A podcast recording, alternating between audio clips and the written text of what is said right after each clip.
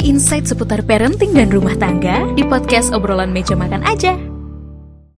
Halo Sobat Kompas TV, saatnya kita akan update 3 berita terpopuler yang terjadi pada hari ini, Rabu 1 Februari 2022, bersama saya Sinta Milenia di Top 3 News Kompas TV. Kita langsung saja ke berita pertama pada hari ini sahabat Kompas TV. Ketua Umum Partai Golkar Air Langga Hartarto bertemu dengan Ketua Umum Partai Nasdem Surya Paloh di markas Golkar. Pertemuan dua ketua umum diakui sebagai silaturahmi politik untuk membahas sejumlah isu.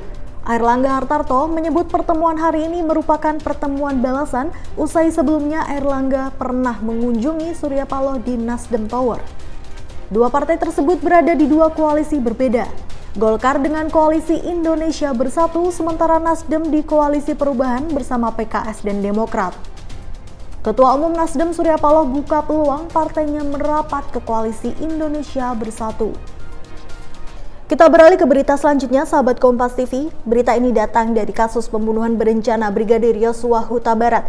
Menko Polhukam Mahfud MD memberi komentar terkait vonis terdakwa pembunuhan berencana Verdi Sambo. Mahfud MD yakin hakim dalam perkara pembunuhan Brigadir Yosua bisa adil dalam menjatuhkan vonis pada Verdi Sambo. Ia mengatakan bahkan hakim tidak akan terikat dengan jaksa penuntut umum. Ferdi Sambo akan hadapi sidang pembacaan putusan atau vonis pada 13 Februari mendatang. Ia dituntut hukuman penjara seumur hidup oleh jaksa penuntut umum.